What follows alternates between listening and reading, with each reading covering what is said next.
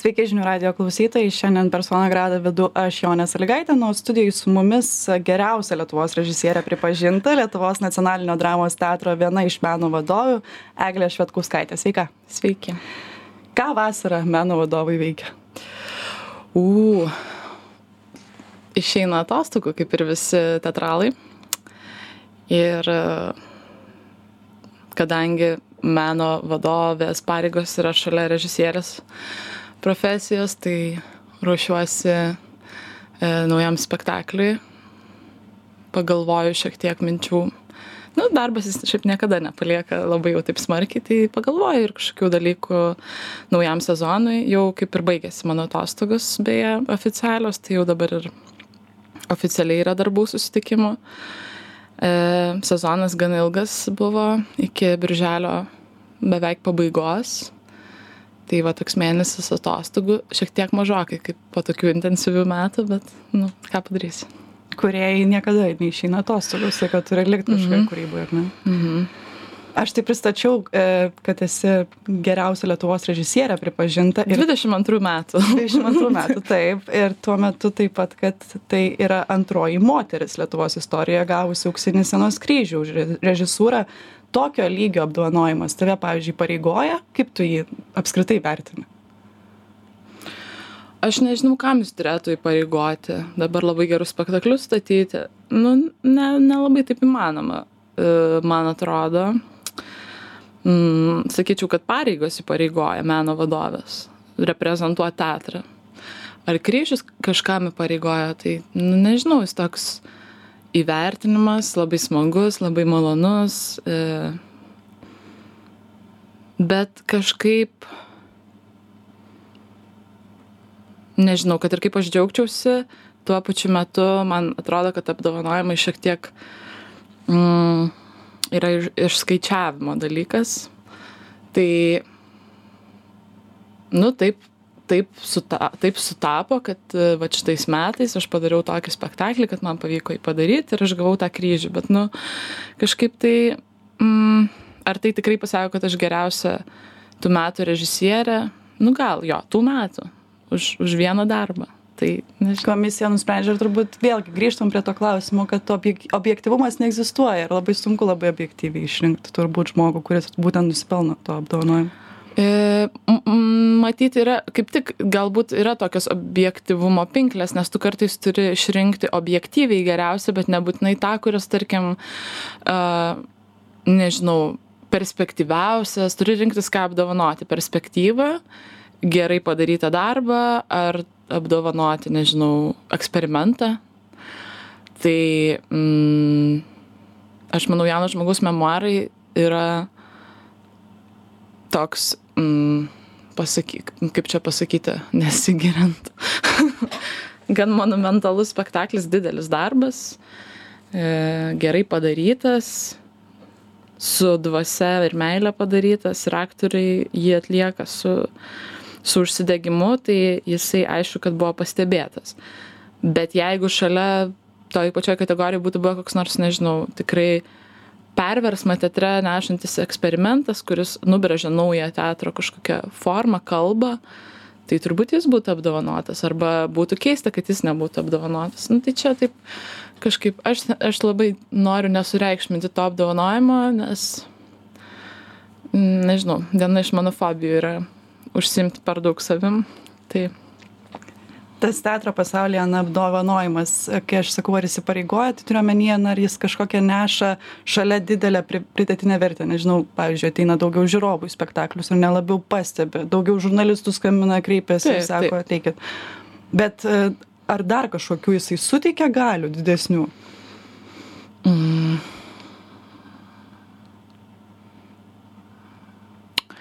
nežinau nežinau, vat būtent jis suteikia dė, e, galimybę gauti dėmesio e, tiek iš žurnalistų, tiek iš žiūrovų. E, tai yra toks tam tikras, nežinau, titulas kažkuria prasme, nu čia, nežinau, tas pats, kas prisidėtum kažkokį tai. Mm, nesakau, kad tai tas pats kas profesorius, bet, nu, lik rašytų tai prie tavo pavardės, ne? Ir, bet šiaip kažkokių galių tikrai nežinau vilniuj aišku kad visi žino kad aš tą kryžių gavau bet e, šiauliuose kur aš statysiu būsimą savo spektaklį e, kai kas nežinojo kad aš gavau tą kryžių ir jiems visiškai tas kažkaip ne, atrodo nedarė jokio e, skirtumo kaip su manim bendrauti ir taip toliau tai gal ir gerai tai yra. Nu kažkaip toliau dirbu savo darbą. Nu plius aš tikrai jauna gavau tą kryžių ir dabar kažkaip tai nešiotis jį kaip tam tikrą jau titulą gal truputį per anksti. Sukūrus šitą spektaklį jauno žmogaus memoarai, tu pati jautei, kad jis, na, itin pozityviai bus įvertintas ir kad jis tikrai vertas e, to, pavyzdžiui, to paties kryžiaus arba kažkokio įvertinimo. Jo, nuo, e, nu, sakykime, premjera labai euforiškai praėjo, iš tikrųjų jau, bet gal ta euforija iš tikrųjų taip visas, visas, visa priešistorė reikalinga tam, kad suprastum, kodėl taip gavosi, nes procesas labai sunkus buvo ir spektaklis lipdės tas pas, tom paskutiniam dienom.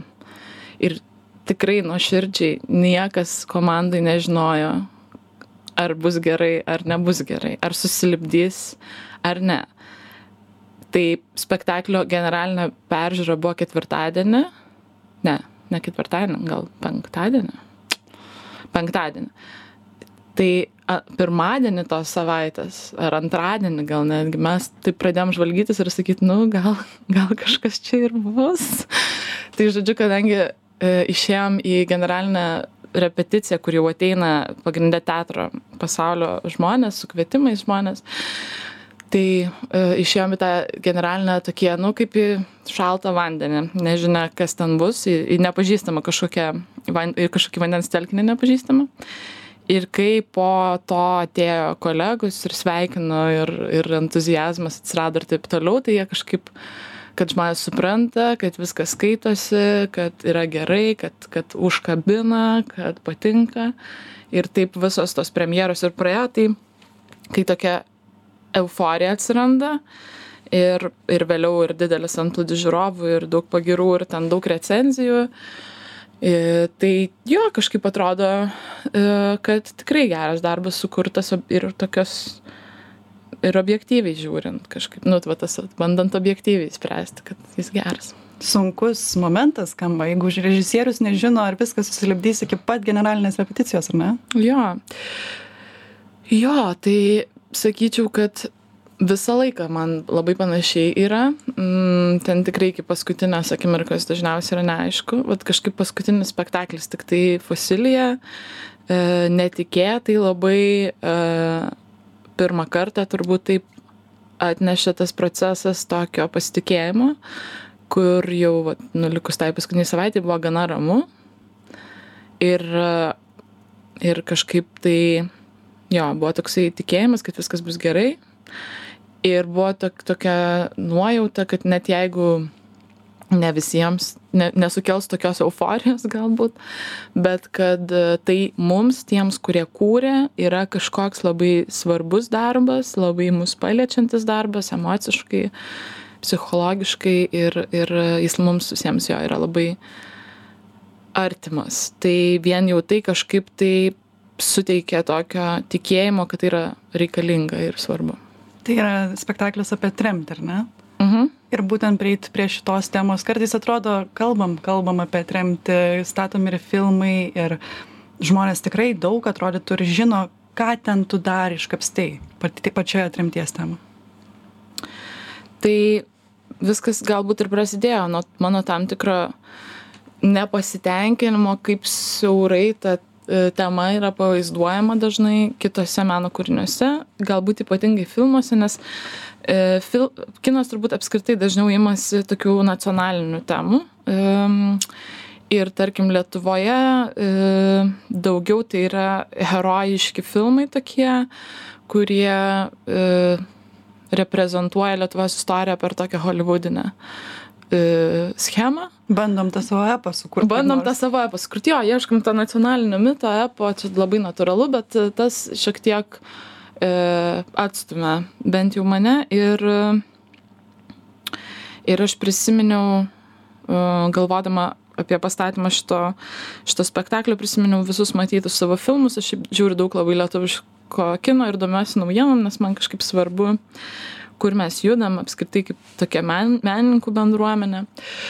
Tai, uh, nu ir prisimenu visas tas klišes ir visus tos įvaizdžius, uh, visada taip pat vaizduojamus okupantus, uh, lietuvius, kažkokius tai ženklus, kurie kartojasi, ten vagonai, visa kita, visa šita vaizdinė, jinai aišku, kad yra e, nesumeluota, nes tai buvo, bet iš kitos pusės jinai iki tiek panaudota ir suvartota, kad jinai jau kažkaip nieko nebereiškia ir nebeveikia tame, tavęs niekaip emociškai.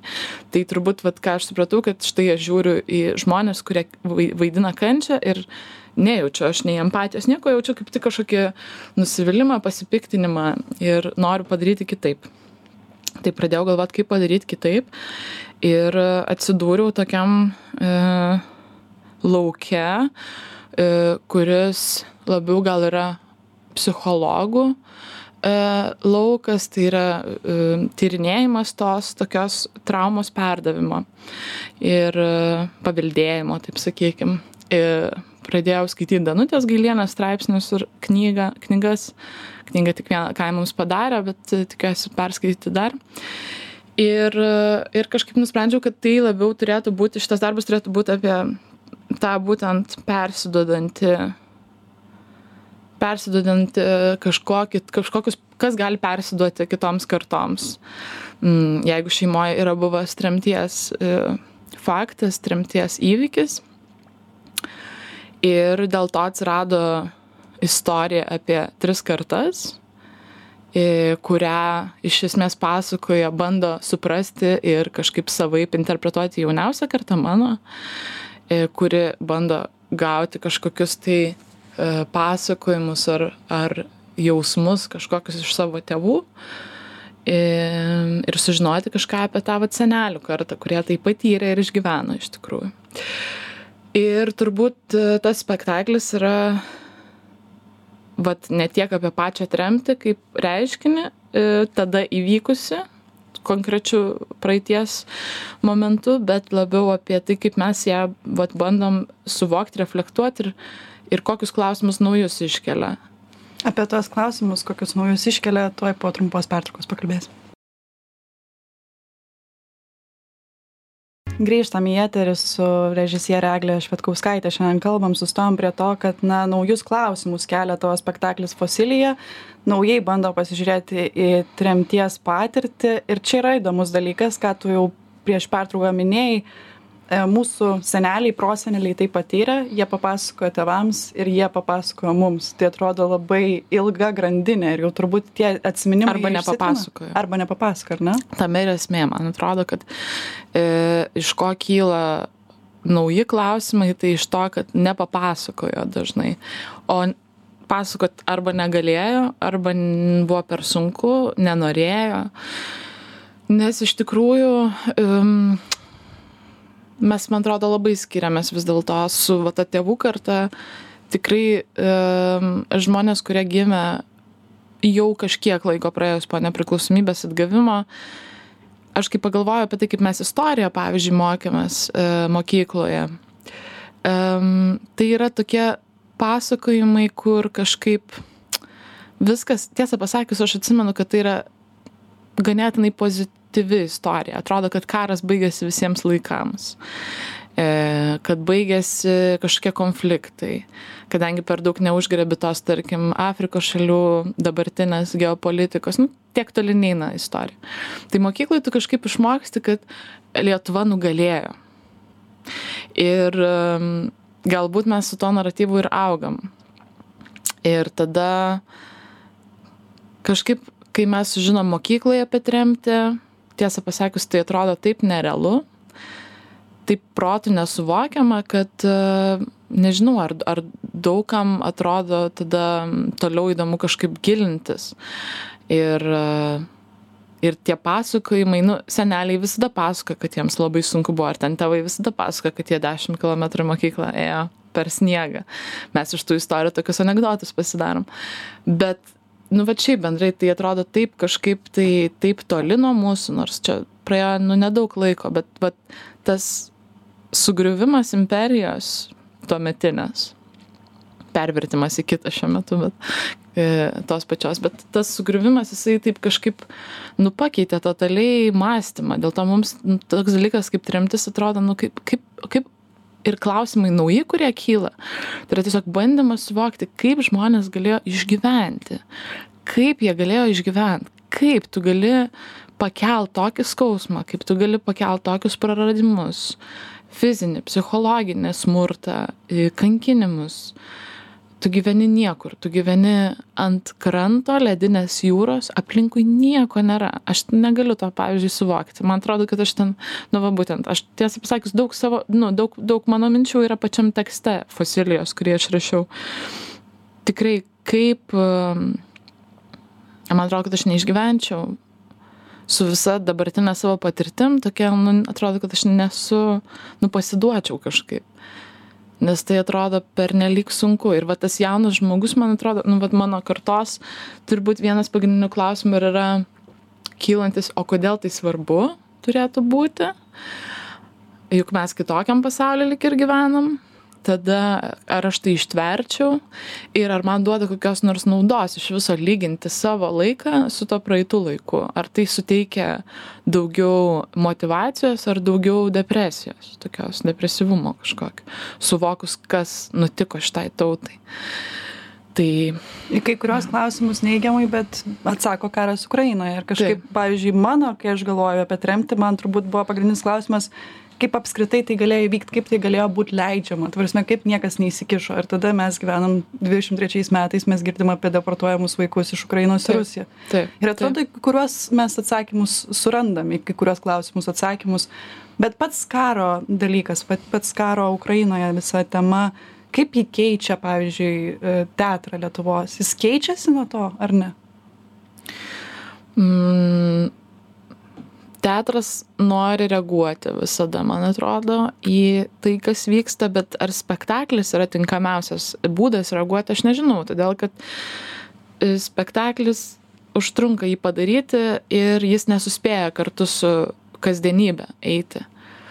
Tai turbūt e, jo, net ir tie spektakliai, kurie sukurti reflektuojant jau dabartinį karą, tarkim, liudijimai nacionaliniam dramos teatre, įdomu galbūt tai turėtų būti uh, spektaklis, kuris nebus rodomas dešimt metų, arba jis kažkaip pasikeis, arba atsiras naujų istorijų, kurias ten pasakojimas, nes um, tai, ką jau dabar pasakoja aktorės, tai yra prieš metus kare įvykusios istorijos ir jos jau keičiasi, jau atsiranda dar daugiau kažkokių tai dar labiau protų nesuvokiamų istorijų.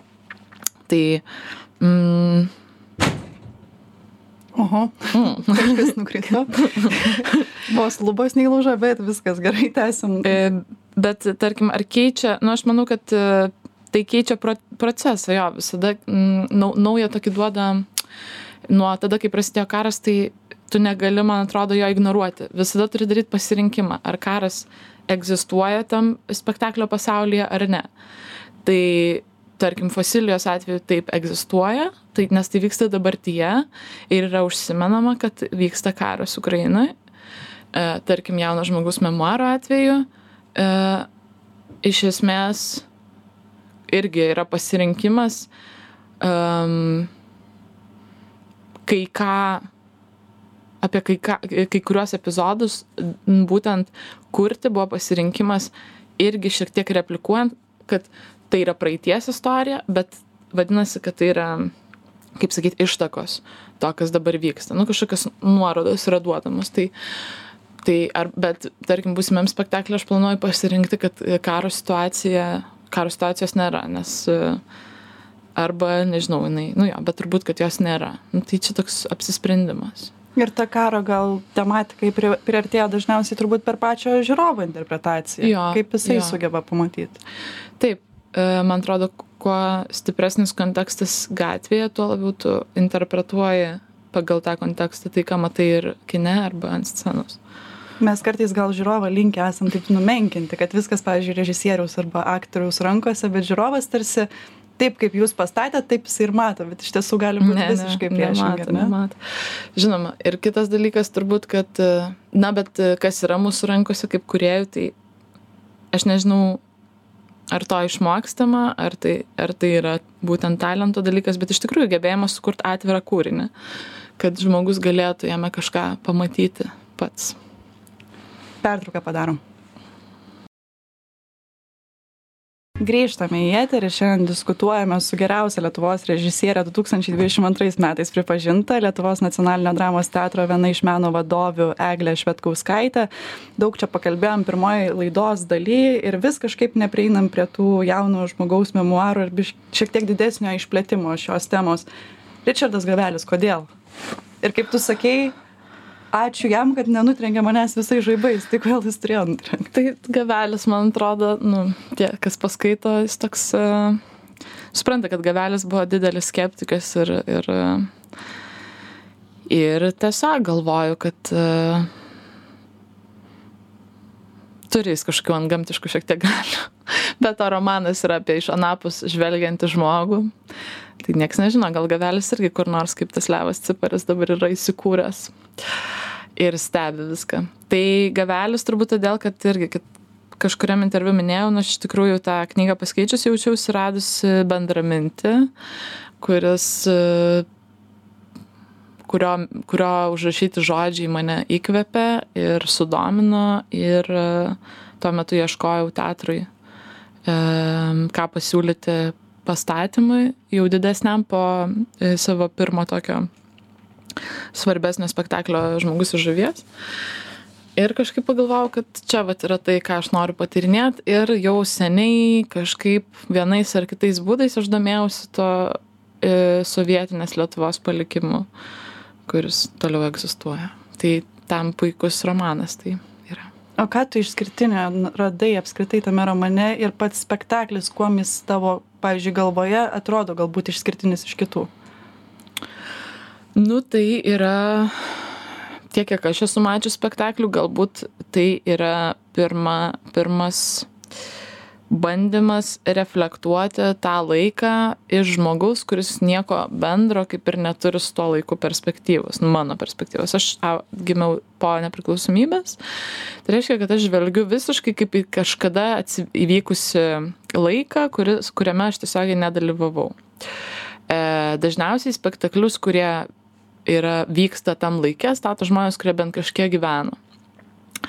Dažnai tai būna labai e, bandymas e, kažkaip tai farsiškai arba ironiškai arba mm, taip e, groteskiškai parodyti tą laiką, nes darau tokią prielaidą, kad e, gyvenant toje santvarkoje tai buvo nu tos priemonės kurių nu toks kažkokia pajuoka ar kažkoks tai noras pasipriešint per tokį aštrumą buvo turbūt toks tokia to, tokia populiari išraiškos priemonė arba tokia ateinanti į galvą. Mano atveju aš nematau prasmės kažkaip pašiepti tą laiką, aš jį noriu išanalizuoti, tam, kad man, aš jį galėčiau išanalizuoti, aš jį kažkaip, kažkiek atkuriu. E, ir tas pagrindinis veikėjas spektaklyje, taip kaip ir knygoje, reflektuoja savo gyvenimą iš šono. Tai yra gale, kurią jis gali turėti žvelgdamas į savo gyvenimą, tokia pati kaip gale, kurią aš turiu tam tikrą prasme žiūrėdama į tą buvusį laikotarpį, skaitydama jo ženklus, bendraudama su žmonėm, kurie tuo metu gyveno, e, irgi kažkaip jį analizuoti ir komentuoti. Tai, tai va.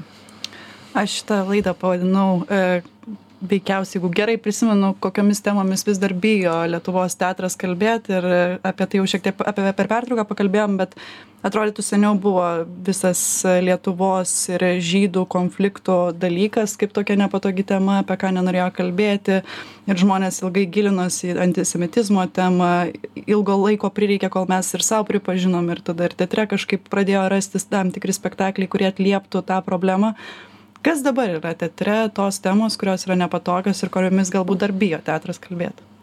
Aš tik galvoju kad mes sau tai dar nelabai kažką pripažinom. Čia jo te teatre yra tie spektakliai bet tie sakykim holokausto kur kur kur veiksmas vyksta holokausto metu arba yra reflektuojamas tas laikotarpis.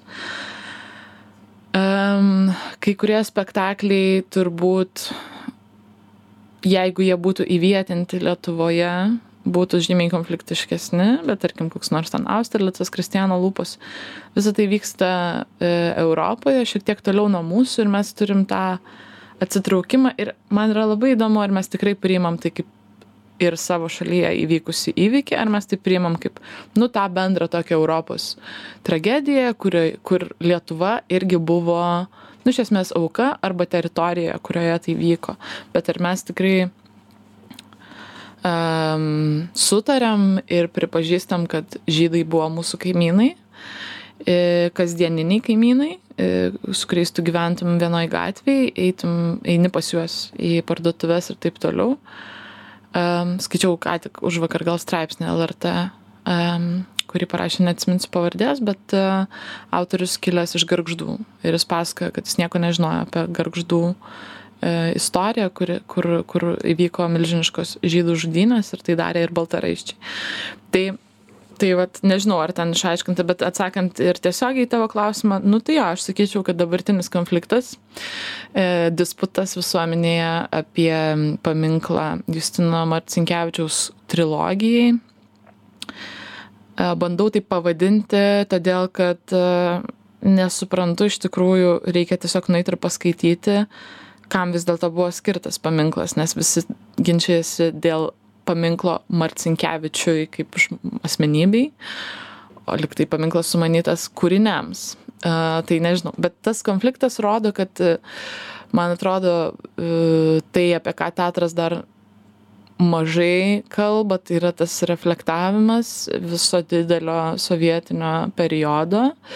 Um, prisitaikymo įvairių dramų ir tarkim mano tokia kaip ir svajonė toliau dirbant nacionaliniam teatre būtų kaip nors pažvelgti ir į nacionalinį teatrą kaip į vietą, kuri buvo labai oficiozinė institucija ir joje ideologija reiškėsi ir skleidėsi nu, labai sėkmingai, nes iš esmės tam uh, iš dalies tas teatras ir todėl tas teatras ir buvo vienas pagrindinių ir jisai, e, jame buvo statomi ideologiją palaikantis kūriniai.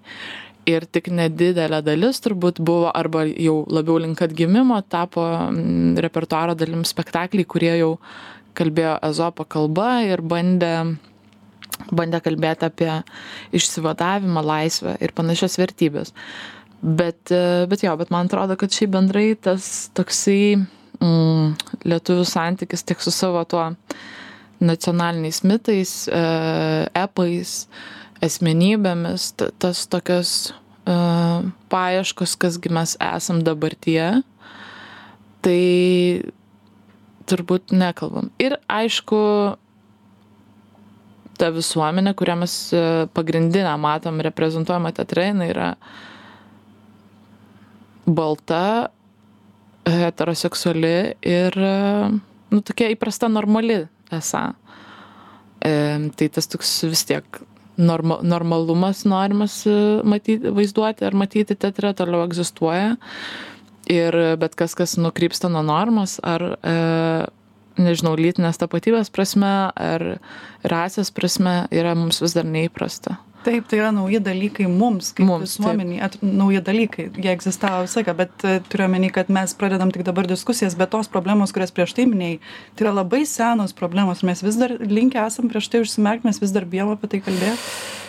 Nu jo jos senos bet jos aš nežinau jos gal tokios senų žmonių problemom gal yra įsivaizduojamos kad jos neda kaip ir nedarė įtakos. Nu pavyzdžiui aš galvoju dėl to paminklo. Um, nu tai daro įtaką mano būsimam gyven aš aš gyvensiu toliau šitam mieste. Ir man kelia klausimų kodėl tas e, ta skulptūra turi stovėti jeigu jinai tarkim ir meniškai ir e, prasminiai man netrodo reikalinga ten ir toj vietoj. Nu ar ne tai kad reikalinga bet e, aš svarstyčiau šitą klausimą. Tai nu liečia mane gyvenančią šitam mieste bet šiaip pati ten visa ta drama e, su Marcinkevičiaus kūryba galbūt ir nėra, netrodo labai aktuali jaun, jauniems žmonėms, bet tuo pačiu aš galvoju, tai sukūrė žmonės, kurie mūsų užaugino, arba žmonės, su kuriais mes daug kasdienybėje bendraujam, vid, vid, viduri, vidutinio amžiaus žmonės, ta tėvų karta, juos suformavo šitos dramos. Tai tu gali kažkaip suprasti geriau to žmonės, jeigu tu supranti, kas juos formavo.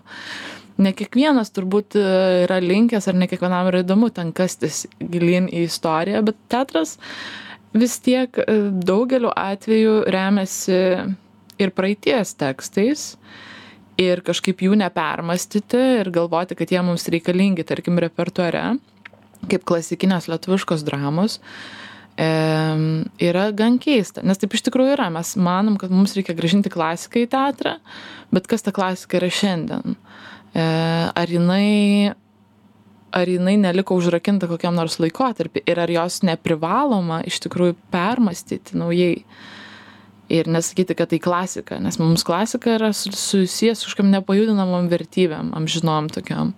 Kanonais. Kanonai kažkokie. Nu, tos kanonus reikia turbūt permastyti, kad uh, galėtume Lietuviškas teatras, jis apskritai e, nuo, nuo atsiradimo istorijos buvo vertinamas labai gerai. Na visą laiką kalbėti apie tai, kad Lietuvos kuriejai teatre, jie yra labai stiprus kuriejai. Būdavo tokių pastebėjimų, kad pavyzdžiui e, Lietuvoje labai stiprus tas e, užsisėdimas ant Stanislavskio metodų.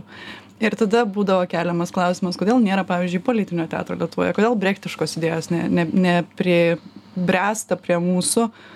Um, kodėl mes iki šiol nevystom pavyzdžiui teatre kažkokių kertinių politinių e, aktualijų galbūt turiu omeny kokių trijų metų penkerių metų aktualijų. Ar mes jau jas vystome ar jau yra pakankamai daug socialinės ir politinės kritikos kaip tu matai?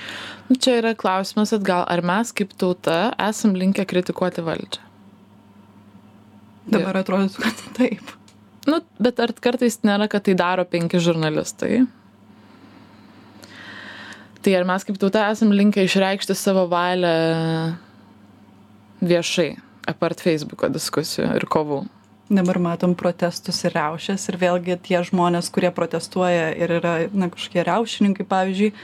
Čia kalbant karto... apie, tarkim, ten prie Seimo riaušės. Tarkim, tarkim, bet tai yra irgi įdomus fenomenas, nes tarsi bunda kažkokia protestuotojų grupė, tarsi žmonės pradeda protestuoti, bet štai jie protestuoja ne taip, netinkamai, tai yra vėlgi neigiama. Ir vėl atrodo, mes tik pradėję kažkaip kalbėt nes vis tiek tai yra demokratija. Nesvarbu palaikysi nepalaikysi žmonės turi teisę protestuot. Jie gali tai daryt jie gali rinktis į mitingus.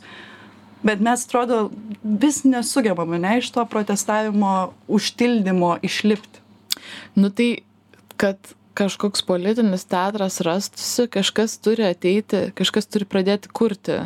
Vat būtent tam susikirtime tarp tos visuomenės dalies kurią mes norim iš viso ištrinti, bet jinai yra ir jinai niekur nedings. Ir, nu, tam susikirtime tarp jų ir mūsų kažkas turi pradėti kurti. Tai aš kaip ir manau, kad kol kas nelabai yra kuriejų arba jų idėjos nepasiekia kol kas e, scenų, galbūt jos yra vystomos. Apskritai tas politinis teatras, e, aš apie tai galvojau, nes vat, kaip tik šiandien eisiu duoti kitą interviu, bet jau tokiam socialiniam tyrimui, mm, irgi apie, sakykime, apie dainuojančią revoliuciją, kaip žmogus, kuris to neišgyveno, bet kažkaip irgi reflektuoja. Tai e, politinis teatras turbūt yra aktyviausias, jis gali kurtis, kai yra aktyvus susidūrimas visuomeniai, nu kažkas vat, yra sprendžiama, dėl ko Antis, kuri buvo beprotiškai teatrališka grupė, um, kūrė tuos um, Donskis filmą e, Gedrė Žitskytės, e, kaip mes žaidėme revoliuciją, pasakoja apie kažkokį pokalbį savo su kažkokiu estu, kuris sako, lietuviai savo atgimimą e, rengė kaip barokinio teatro spektaklį sovietams. Židonskis sako, aš jam atsakiau taip ir tai suveikė. Iš tikrųjų, vyko teatras, vyko, e, vyko vat, tokie reiškiniai kaip Antis arba tokie žmonės kaip Landsbergis, kuris e, labai dažnai kalbėjo, mm, tai nebuvo funkcionierius, kuris e, sausai kalbėjo kažkaip tose tribūnose, bet jisai vartojo metaforas, įsiriškimus kažkokius, tai epitetus, kažkaip tai per klausimus ten į kokį nors Garbačiovą ar ten suvažiavimą kažkokiam visa tai vyko, nes nes buvo dvi kažkokios tai, nežinau, labai didelės jėgos susidūrusios laisvės traškimas ir priespūda.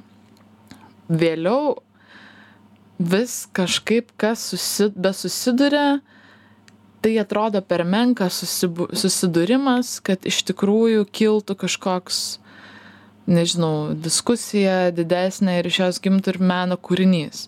Kiek aš esu mačius spektaklių Lietuvoje, kurie kažkiek save vadina politinio teatro um, spektakliais ar, ar režisieriai kalba, kad tai yra politinis teatras, nu tai labai dažnai yra kažkokios pasenusios, um, pas, pasenę jau tūkstantį kartų matyti vaizdai, kaip kažkas esą stovi su ten netikru molotovo kokteiliu, taigi niekas taip nu, nekovoja šiuo metu, reikia kažkaip kad vyktų politinis teatras, reikia užčiuopti, kas ten dabar krepžda labiausiai visuomeniai, tada gal jis ir bus politinis, bet klausimas, ar ar būtina išspausti kažką, kas natūraliai mums nesispaudžia šiuo metu? Nežinau. E, galbūt ateina daugiau, ar grįžta į Lietuvą, ar ateina kuriejų, kurie e, užsims šitą kryptimį, nes, nu, kad politiniai, politiniai laukai liepsnoja, tai žinoma, tai mes visi matom. Bet teatras negali tapti ir laikraščiu. Mm, vis tiek turi naudot teatrinės priemonės. Tai, nu žodžiu, man regis šiuo metu galbūt, jeigu aš klystu, tai apsireiškit ir šaukit, kad taip nėra, bet man atrodo nėra kuriejų, kurie būtų suinteresuoti tokį teatrą kurti arba, sakau, jie, nu dar aš kažkaip, vat, neprisimenu pavyzdžių. Bet... Dabar jau populiaru sakyti šmaikščiai, sakyti nemaišykim sporto su politika, nemaišykim e, meno su politika, turiuomenį visiškai iš taip, kitos taip, perspektyvos. Taip. Bet to pačiu be karo konteksto, meną tavo nuomonė reikia kažkiek maišyti su politika, ar tu esi iš tų, kurie mato didelį skirsnį tarp meno ir politikos? Mes turbūt irgi grįžtam dar ir prie to klausimo kas apskritai tas politinis teatras. Jeigu tu įdėsi jo. vieną žmogų kuris galbūt atliepia kažkokią visuomenės problemą ar tai jau bus politinis teatras? E, dabar aš prisiminiau iš esmės tokią chrestomatinę kritinę frazę kad visas teatras yra politinis. Ir e, iš esmės čia mes randam tokią, tokį mm, besitęsinti konfliktą kuris visais laikais turbūt tarp kurie vyko menas menui ar menas kaip įrankis ar kaip priemonė. Tai jeigu tu nesi abejingas tam, tai vietai, kurioje gyveni ir tam, kas ten vyksta kaip kuriejas, dažniausiai turbūt kursi taip, kad e, bent kažkiek reflektuosi e, ir politinę situaciją. Bet yra pilna kuriejų, kurie labai atvirai sako, aš kuriu teatras teatras yra apie amžinąsias idėjas arba teatras yra apie idealą arba teatras yra apie grožį arba mes tik aktoriai ir nieko negalim padaryti. Tai daug tokių žmonių yra ir kaip tu girdi aš ironizuoju nes nu em, apie tą grožį kalbėti va tokiu laiku kaip dabar tik apie grožį. Jo mm, čia mes turėjom tokią diskusiją su draugais ką tik ir aš pasakiau kad aš negalėčiau statyt spektaklių jeigu kiltų karas. Nors pavyzdžiui ukrainoje toliau yra rodomi spektakliai. Ir kiek aš girdžiu labai dažnai tai yra spektakliai kurie yra komedijos e, arba nežinau opera turbūt baletas. Ir aš labai tą suprantu nes grožio reikia baisiausiais laikais. Bet aš jaučiu kad aš galbūt nesugebėčiau jo sukurti bais baisiu laiku ir tada nu tiesiog manau kad reiktų atsitraukt nes ten versti žmones kažką reflektuoti kaip kai vyksta patys svarbiausi dalykai čia ir dabar gatvėje tai turbūt ne laikas. Gal tai ir susiję su tuo kad tu teatrą per kažkurią prizmę matai kaip pramogą kaip pramogos mhm. dalyką ar ne? Mm, nu kiek aš tai praturtinančią pramogą, galbūt protiškai. Jo, jo. Jo, tokios e, grinosios pramogos turbūt e, aš dar nebandžiau sukurti ir būtų įdomu, kas gautųsi, jeigu aš bandyčiau sukurti. Norėtum pabandyti komediją kurti? Na, nu, aš esu pastatęs, man, man atrodo, kad mano visose spektakliuose šiaip yra tokių pajokavimų ir nemažai daugelį ir aš esu kurus komediją. Mm, kaip diplominį darbą ir tai buvo labai smagu, bet tai buvo tokia, nu irgi socia socialinė tokia kritika, tokia mm, iron, ironija, tai, bet labai labai jokinga e, Lenkijos tokios piesė. Tai nežinau, va tokią tai mielai sukurčiau, bet, bet tokia kažkokia ten, kur kur viskas sukasi apie, nežinau, kažkokią ten neištikimybės dramą ar dar kažką, nežinau, ar galėčiau padaryti. Kuo tu dabar gyveni, kuo gyveni šiandien, kokiu pagrindiniu darbu gyveni, galbūt pagrindiniu spektakliu arba kažkokia idėja, kas dabar tavo galva yra užėmęs dalykas? Aš dabar gyvenu, noriu pasimėgauti šitą savaitę Vilniuje. Gyvenu dabar e, sportu ir susitikimais, kuriuos turiu šią savaitę, e, nes paskui vykstu į Šiaulius ir pradedu darbus su naujų spektakliu Šiaulių dramos teatre.